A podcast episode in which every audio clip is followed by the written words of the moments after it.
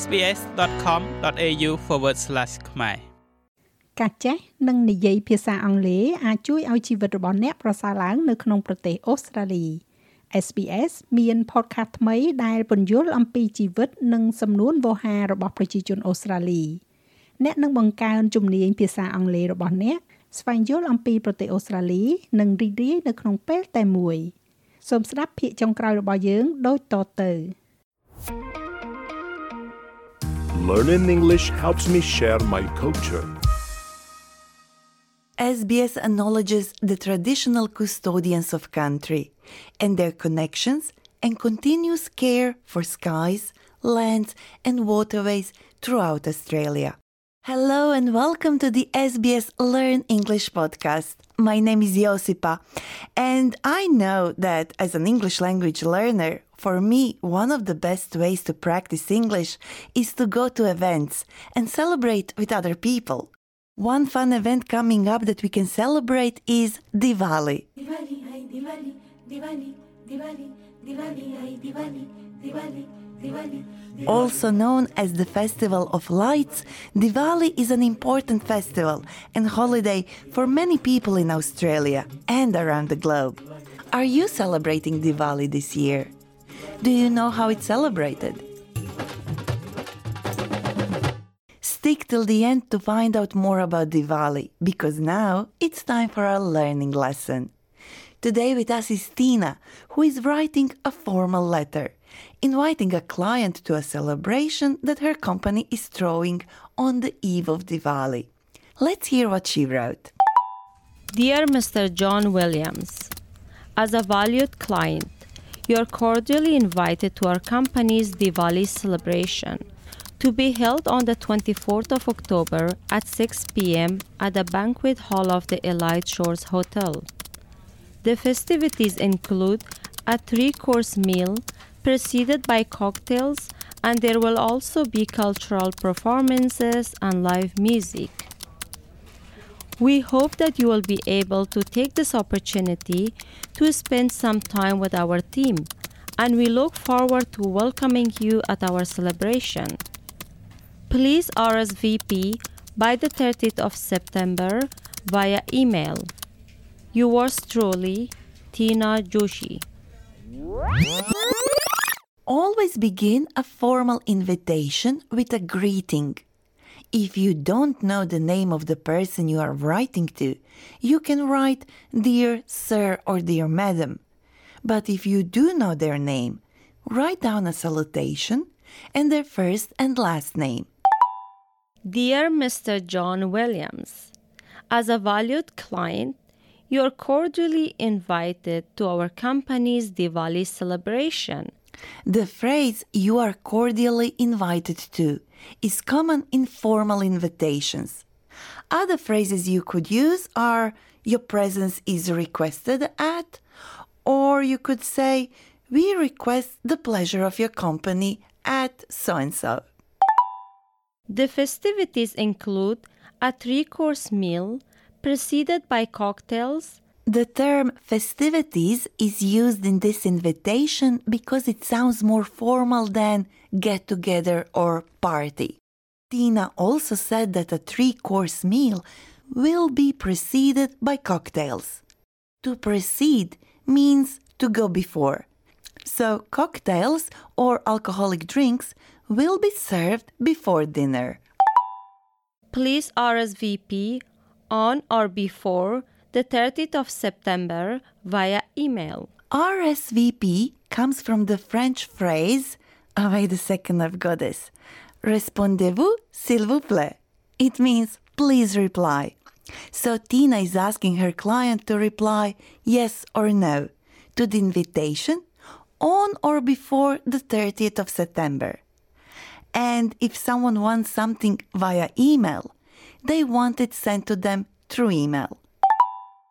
Yours truly, Tina Joshi. You can end a formal letter with yours truly and then sign off with your full name. Other phrases you can use is sincerely, or you can say with gratitude if you're asking someone to do something for you. While a formal invitation is something you would send to a client or a boss, you probably wouldn't do this for a friend or coworker. To them, you would send an informal letter. Let's go back to Tina, who is now sending an SMS to her friend and coworker Emma. Hi, Emma. Hope you're well. I was wondering if you're free this Saturday. We are having a big Diwali celebration at home and would love it if you could join us. Let me know. Would love to see you then. It'll give us a chance to catch up. Notice that this time Tina doesn't include Emma's last name in the greeting because she's a friend and this invitation is informal. So she just uses her first name. Hi, Emma. Hope you're well. Tina also asks Emma how she is, which is a common way of starting an informal message. I was wondering if you're free this Saturday. We are having a big Diwali celebration at home and would love it if you could join us. While formal invitations will use formal words such as festivities, an informal message will express more warmth and affection with phrases such as, I would love it if you could join us. Note how Tina uses the informal phrase to ask if Emma is able to come. Let me know. Would love to see you then. It'll give us a chance to catch up. As we already know, formal invitations will have the term RSVP, but we use phrases such as let me know in an informal message when we want to know if they can attend the celebration or not. And to catch up means to talk to someone who you haven't seen in a while to find out how they are doing. Tina showed us a formal and informal way of inviting someone to a celebration. But how do you invite a friend face to face, in person? Let's go back to Tina, who is now having a chat with her friend Anna. Hi, Anna. We are having a big Diwali celebration at home this Saturday. Are you free? Come over. Oh, wow. Yes, I'd love to. Let me check if I'm free. It would be good to catch up. Hmm. I'm tied up in the morning, but I'm all yours in the afternoon. Can I pop over after lunch? Sure. Come over around 3 ish. Let's look at how Tina invited Anna. Are you free? Come over. Using come over is an informal way of inviting someone to come to your house. I'm tied up in the morning, but I'm all yours in the afternoon. To be tied up means to be busy. So Anna tells Tina that she's busy in the morning, while to be all yours means to give yourself fully to someone. This means that Anna will be free to spend the afternoon with Tina. Can I pop over after lunch? To pop over is another way of saying to come over. So basically, Anna asked if she can come to Tina's house after lunch. Tina then replied, Come over around 3 ish. When ish is added to a time, it means around that time, but not precisely at that time. So, when Tina says that Anna can come over around 3 ish, it means that she doesn't have to come over at precisely 3 p.m., but she can come at around that time. It would be good to catch up. If you are catching up with someone, you are talking to someone whom you haven't seen for some time in order to find out what they have been doing. Ah.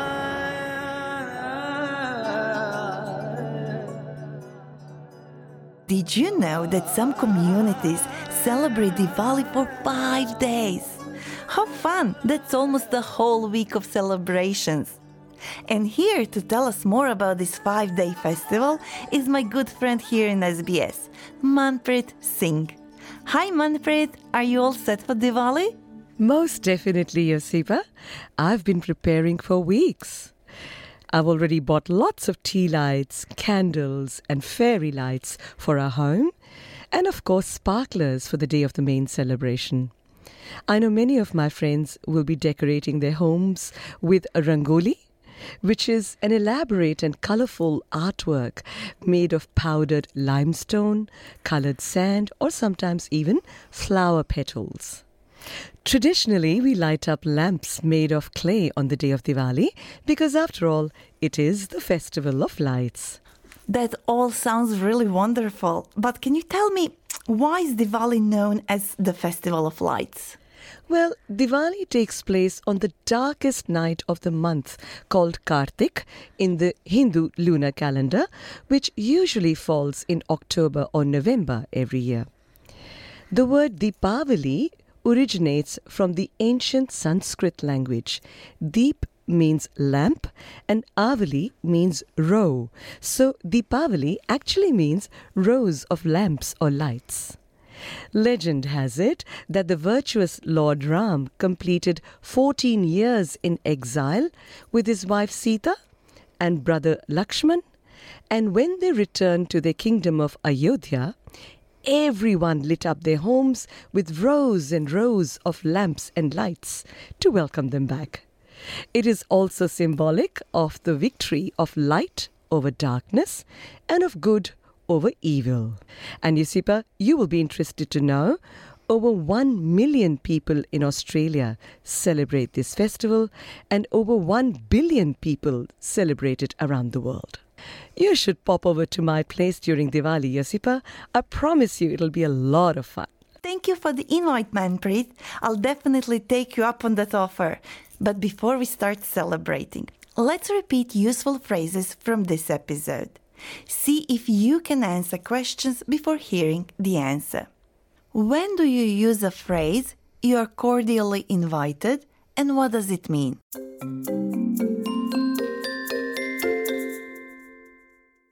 You are cordially invited is a common phrase we use when we invite someone to an event or a celebration, like a marriage or a big festival. It is a formal way of inviting, so we usually write it rather than say it to someone face to face. To pop over means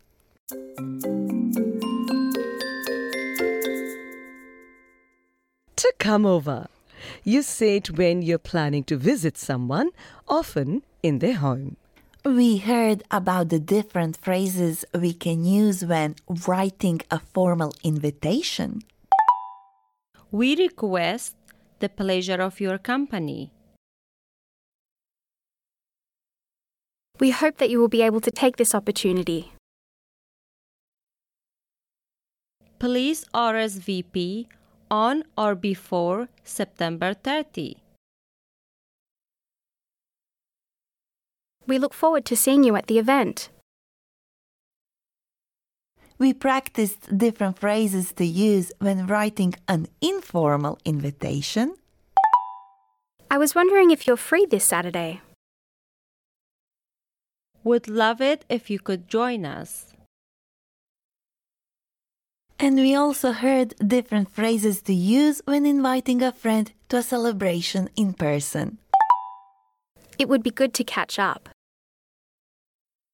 Are you free? Can you pop over after lunch? If you are not sure about the meaning of these words, check out our website sbs.com.au slash learn English, where you can find additional learning notes and transcripts. There you can also test your knowledge with our quiz. And if you would like to suggest our next topic, send us an email learnenglish at sbs.com.au or reach out on Facebook. We are SBS Learn English. Thank you for listening. SBS Learn English helps Australians speak, understand, and connect.